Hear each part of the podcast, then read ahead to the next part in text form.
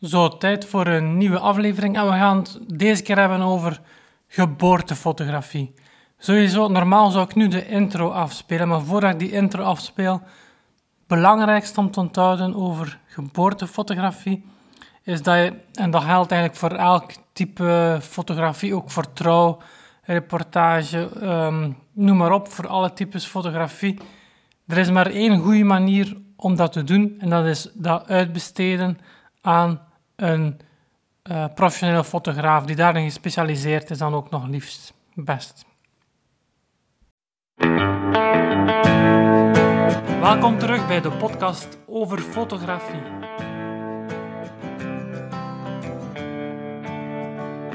De Nederlandstalige podcast, volledig gewijd aan fotografie.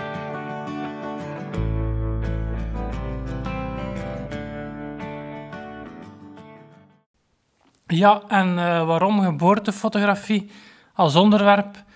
Uh, degenen die mijn YouTube-kanaal volgen, die weten, en ik heb het denk ik op de podcast ook wel vermeld destijds, dat ik, um, ja, het zal geen negen maanden geleden zijn, want je moet eigenlijk een keer dat je zwanger bent, moet je drie maanden wachten om goed te zijn voordat je uh, meedeelt dat je zwanger bent. Dus pak zes maanden terug hebben we meegedeeld dat we zwanger waren van uh, ons tweede kindje samen. En uh, vandaag, nu ik neem dit, dit op op uh, dinsdag 22 oktober, is ons tweede kindje geboren. Vandaar dus ook dit onderwerp. Nu, het kan een klein beetje verwarrend worden, omdat voor mij is het, het is mijn derde dochter, maar mijn eerste dochter is uit een vorige relatie en mijn tweede en mijn derde, nu derde dochter zijn, uit, zijn dus een nieuw samengesteld gezin. Dus voor mijn vriendin en mij is het ons tweede kindje. Voor mijn vriendin is het haar tweede kindje. En voor mij is het mijn derde kindje. Kwestie van het wat verwarrend te maken. Dus als ik ene keer van derde, dan van tweede spreek, ja, vandaar dus.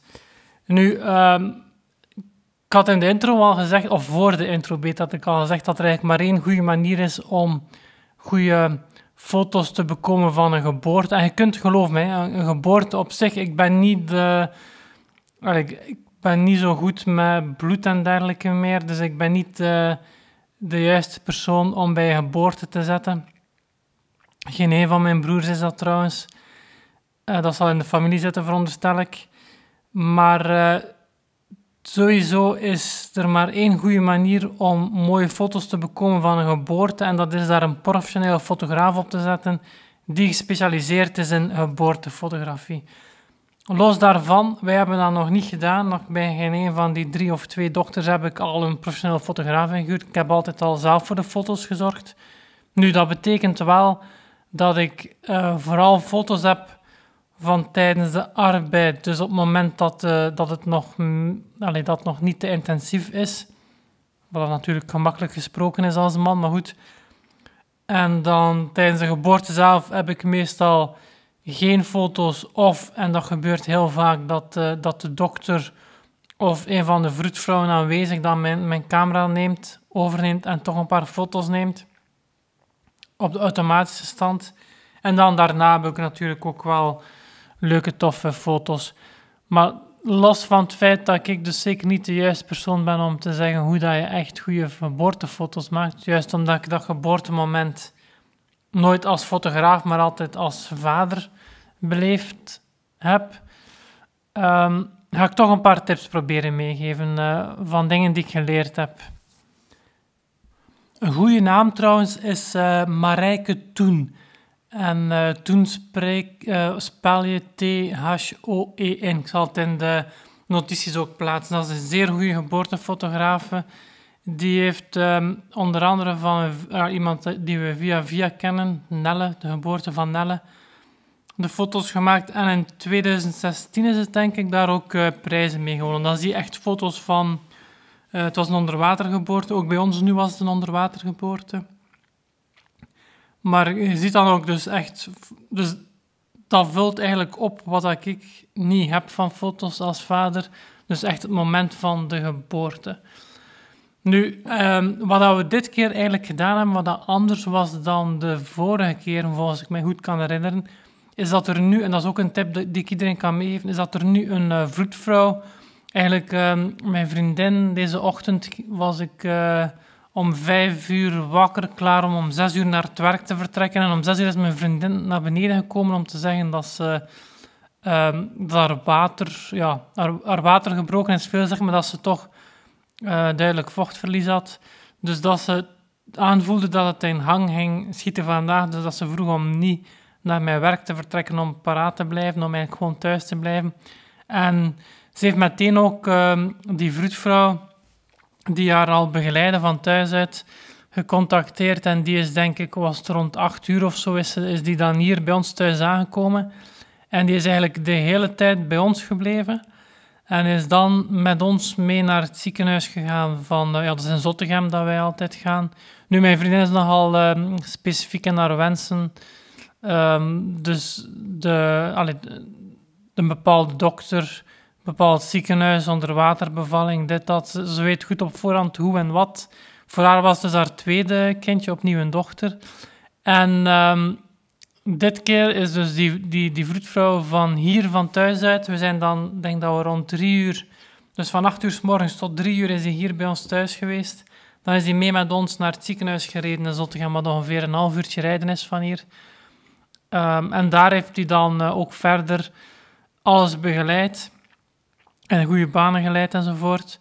Daarnaast heb je meestal nog wel één of meerdere vroedvrouwen van het ziekenhuis zelf, of, um, en dan nog wel een, een, dokter, ook een gynaecoloog of gynaecologe. Uh, en eigenlijk, uh, alles is heel vlot verlopen, absoluut. Uh, ja. Wat wij ook trouwens anders gedaan deze keer, dus omdat voor mijn vriendin haar tweede kindje was, is ons eerste kindje ook meegegaan. Nu, dan moet je ook wel echt op voorhand bespreken met uh, uw vroedvrouw, met uh, het ziekenhuis, met uw arts enzovoort. Dat kun je niet zomaar doen, dat moet je echt wel op voorhand bespreken. Nu, voor mij betekent dat vooral dat, dat mijn verantwoordelijkheid was, uh, eigenlijk ju juist omdat die extra vroedvrouw van bij ons al mee was, had ik meer tijd, was ik meer op mijn gemak, kon ik mij concentreren op ons eerste kindje samen. Dus, eh, en er zijn ook momenten geweest waarop dat, dat eerste kindje duidelijk aangaf dat daar te veel werd. En dan ben ik ook op die momenten met dat eerste kindje even uh, naar de ruimte ernaast gegaan om even op ons positieven te komen en dan uh, op het juiste moment terug te gaan uh, naar de verloskamer. We hadden trouwens ook een, een net ingerichte, een nieuwe verloskamer. Het was hetzelfde ziekenhuis, maar een andere kamer. en eigenlijk, ja, het was praktische wellness met uh, alles erop en eraan.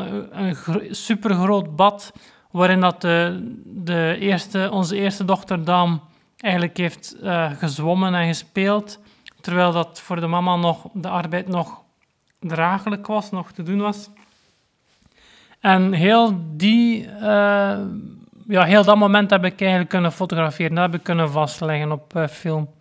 De keer dat dan echt op hang kwam, heb ik natuurlijk niet meer kunnen fotograferen. Heb ik vooral naar mijn dochter gekeken heeft die vroedvrouw die van hieruit meekwam mijn camera spontaan overgenomen, waarvoor dank. Uh, ik heb die zo goed mogelijk op automatische instellingen klaargezet. Nu, het was wel heel donker. Het is meestal eigenlijk, ik denk dat dat een van de grootste uitdagingen is van, een, van het, het, fotograferen van een bevalling. Het feit dat je echt wel weinig licht hebt. Tijdens die arbeid viel dat allemaal nog wel... ja, dat viel allemaal goed mee qua verlichting. Dan was ik denk ik uh, 125ste van een seconde, omdat de kleinste nog aan het spelen was.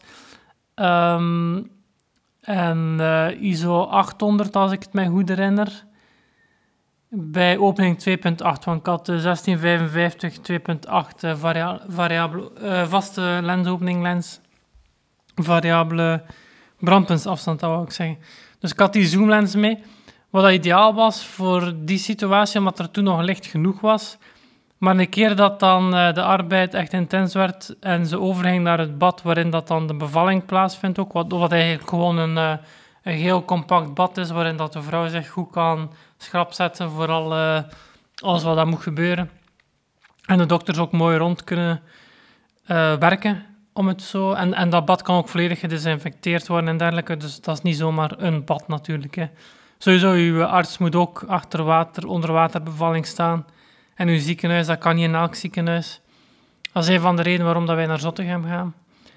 Uh, dus daar, heb ik dan, uh, daar was er te weinig licht. Heb ik nog overgeschakeld op een, uh, een 23 mm f2-lens, een, een vaste brandpuntsafstandslens met een iets grotere opening.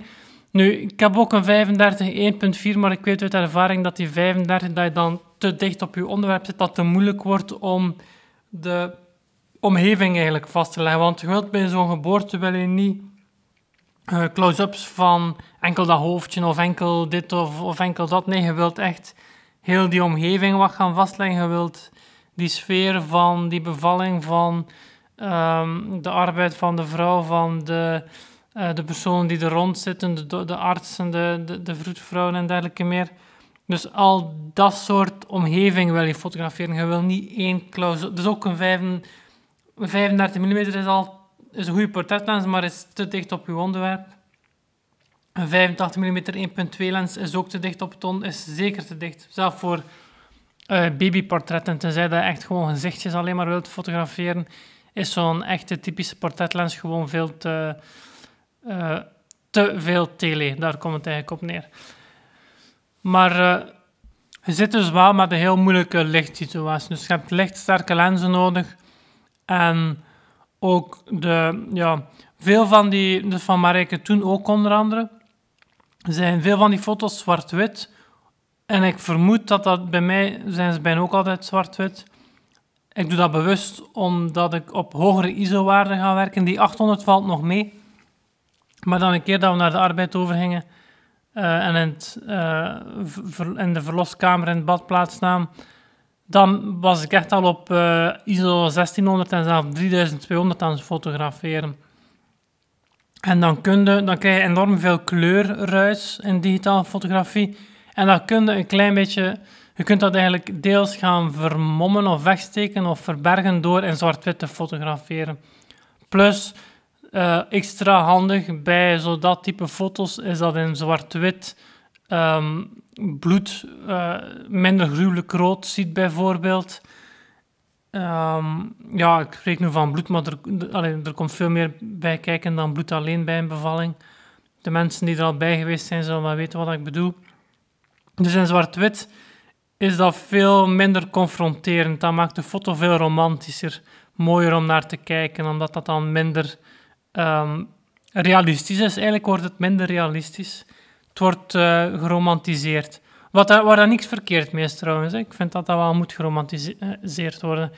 Dus aan de ene kant heb je die uitdaging van die moeilijke lichtomstandigheden, maar plus dat je ook nog, en dat is voor elk type fotografie, heb je heel veel, uh, heb zo'n bepaalde routine bij een bevalling. Uh, ik, ik heb, voor mij was nu mijn derde bevalling waar ik bij was. En ik, ik weet min of meer wat dat er uh, welke volgorde moet gebeuren, maar iemand die zijn eerste bevalling meemaakt, die zal dat nog niet weten.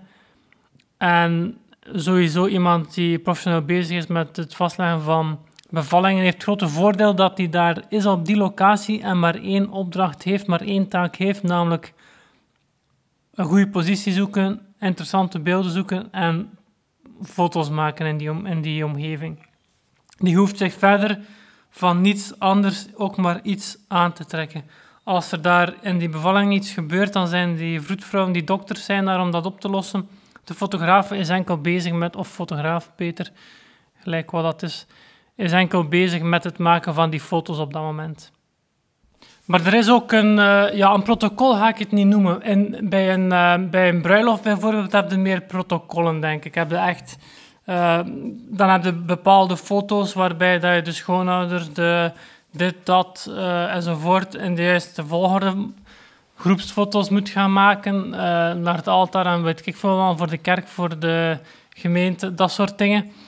Bij een geboorte is dat minder formeel, maar je hebt toch ook wel bepaalde regels dat je moet aanhouden. Ten eerste hebt bijvoorbeeld ja, iets heel onnozel als je, dat, als je daar als vader staat te fotograferen.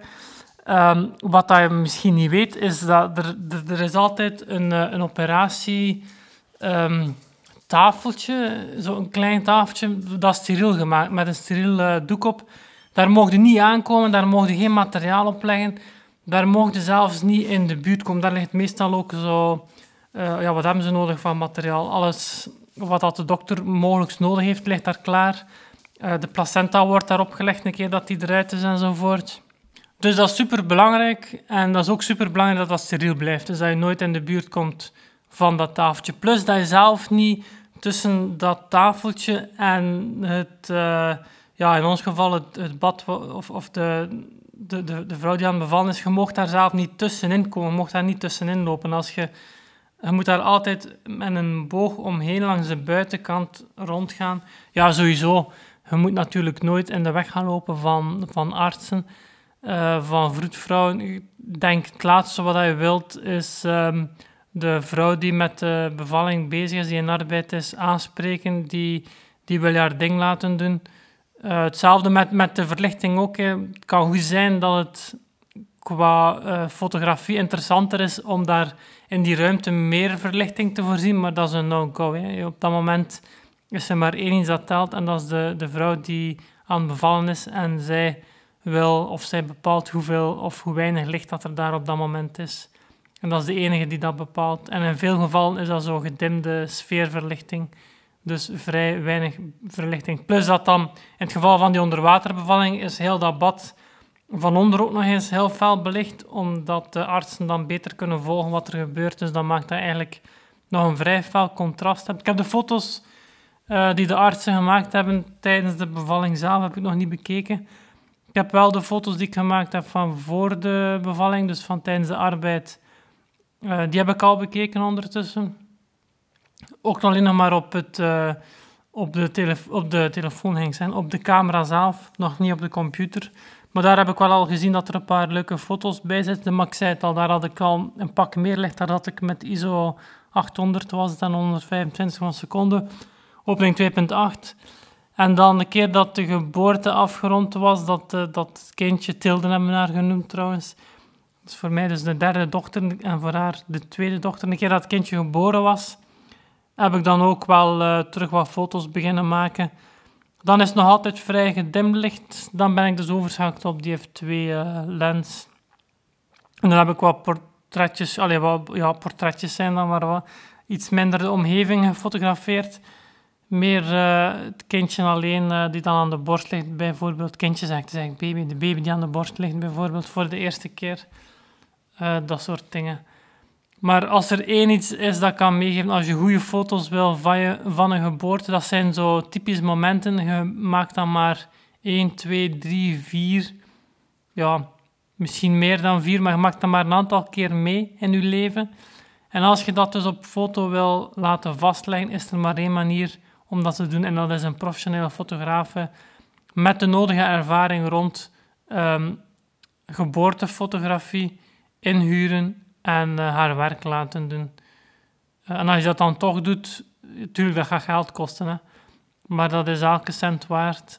Um, en uh, op dezelfde manier is, is ook een vroedvrouw die van u thuis meekomt elke cent waard. Want ik moet zeggen, deze bevalling was mij niet gelukt zonder die extra vroedvrouw van thuis uit. Juist omdat onze dochter, ons eerste kindje, er ook bij was en redelijk wat aandacht vroeg op zo'n moment. Ook voor haar was het natuurlijk super heftig um, om allemaal mee te maken. Maar ik ben wel blij dat ze het heeft kunnen meemaken op, op, uh, op een manier waarbij dat ze zelf aangegeven heeft welke stukken dat ze wel of niet wou zien eigenlijk. Was ze eigenlijk zelf als, als het kindje al geboren was, is um, zij uh, bijvoorbeeld uh, als, als het dan overhandigd werd aan mij, als ik het dan vasthield, Bijvoorbeeld, dan zag onze, onze eerste dochter zag dan de navelstreng hangen met daarin nog de, Er zit daar een klem op in het begin. Daar was ze dan enorm bang van ook, omdat ze schrik had dat dat ging moeten geknipt worden enzovoort. Dat is allemaal heel moeilijk. Een snavel noemt ze dat trouwens. In plaats van navel, navel zegt ze snavel. Al van als ze klein was. Ik weet eigenlijk niet van waar dat komt. Maar ze spreekt dus altijd van snavel. Uh, maar een keer als die snavel zag, bloed heeft ze ook gezien, daar had ze ook wel wat schrik van. Dus het is wel belangrijk, als je dan toch beslist om je kind mee te nemen, dat je de tijd hebt en de ruimte hebt en dat je dat kind ook zelf laat bepalen wat dat wel en niet, um, waar dan ze wel of niet bij kunnen zijn. Of wat dan ze wel of niet kunnen zien. Zo, bij deze, ik denk dat ik hier ga afronden. Ik ga gaan slapen. Het is een lange dag geweest. Het is ondertussen uh, 10 uur 30 al. Dus, uh, en het kindje is om, uiteindelijk om 7 uur en 6 s'avonds geboren. Dus een hele dag, een drukke dag, alleen maar daarmee bezig geweest. Ah ja, nog belangrijk. Uh, je, alles zet je op voorhand klaar. Hè. Sowieso, denk uh, de mama's zullen wel weten dat ze een valies moeten klaarzetten met kleren en dergelijke meer, maar ook kleren voor zichzelf en kleren voor de baby. Op dezelfde manier stond er bij ons hier al enkele weken een, uh, een fototas klaar, waarin dat een fototoestel, een batterij, een extra batterij, lader, twee lenzen, alles zat klaar. Dat ik dan maar moest, op het moment dat het zover was, maar moest vastpakken, in de auto zetten en kon vertrekken. Ik heb eigenlijk... Uh, ja, ons eerste kindje samen was eigenlijk twee weken voor de uitgerekende datum bevallen, of geboren. En uh, Tilde nu, onze tweede dochter samen, is uh, een week. Uh, ze was voor de 27ste uitgerekend en de 22e is ze geboren, ja, nog geen week. iets minder dan een week voor de uitgerekende datum. Zo, hier ga ik afronden. Ik hoop dat dat toch een klein beetje een idee geeft van wat dat je als ja, wat je kunt verwachten aan het vaderschap, vader worden en al dan niet zelf fotograferen. Ja, sowieso als je dan iemand inhuurt om de juiste foto's te maken, om de goede foto's te maken, dan neem niet weg dat je zelf ook nog altijd kunt een camera meenemen om eigenlijk foto's te maken. Uh, en dan is het even goed belangrijk dat je natuurlijk een evenwicht vindt tussen foto's nemen en aanwezig zijn voor uh, ja, vooral ter ondersteuning. Want wij mannen, wij ondersteunen onze vrouw eigenlijk op dat moment alleen maar. Het zijn als vrouwen die dan uh, de grootste prestatie in de mensheid, denk ik, verwezenlijken. Ja, ik kan er niet over meespreken. In elk geval, knap gedaan van mijn vriendin. Ze zijn nu aan het uitslapen in het ziekenhuis. Morgen gaan we ze ophalen en komen iedereen hier naar huis. Dat was het. Zo, dat was het weer voor deze aflevering van de podcast over fotografie. Allemaal bedankt om te luisteren. Ja, als er vragen zijn, dan uh, mag je die altijd, of opmerkingen of uh, voorstellen van bepaalde onderwerpen of suggesties, wat dan ook. Je mag die allemaal doorsturen via e-mail naar hans.hcpl.be. Dus Hans is mijn voornaam. Uh, HCPL spel je Hotel Charlie Papa Lima. En .be is uh, de domeinnaam voor België. Dus uh, altijd welkom. Ik doe mijn best om alles te lezen en te beantwoorden. En indien mogelijk verwerk ik natuurlijk ook alles graag in de podcast. En dan zal ik je naam zeker, je voornaam zeker vermelden. Dus uh, dat je natuurlijk vraagt om anoniem te blijven. Dus dat was het voor deze aflevering. Bedankt voor het luisteren en graag tot de volgende.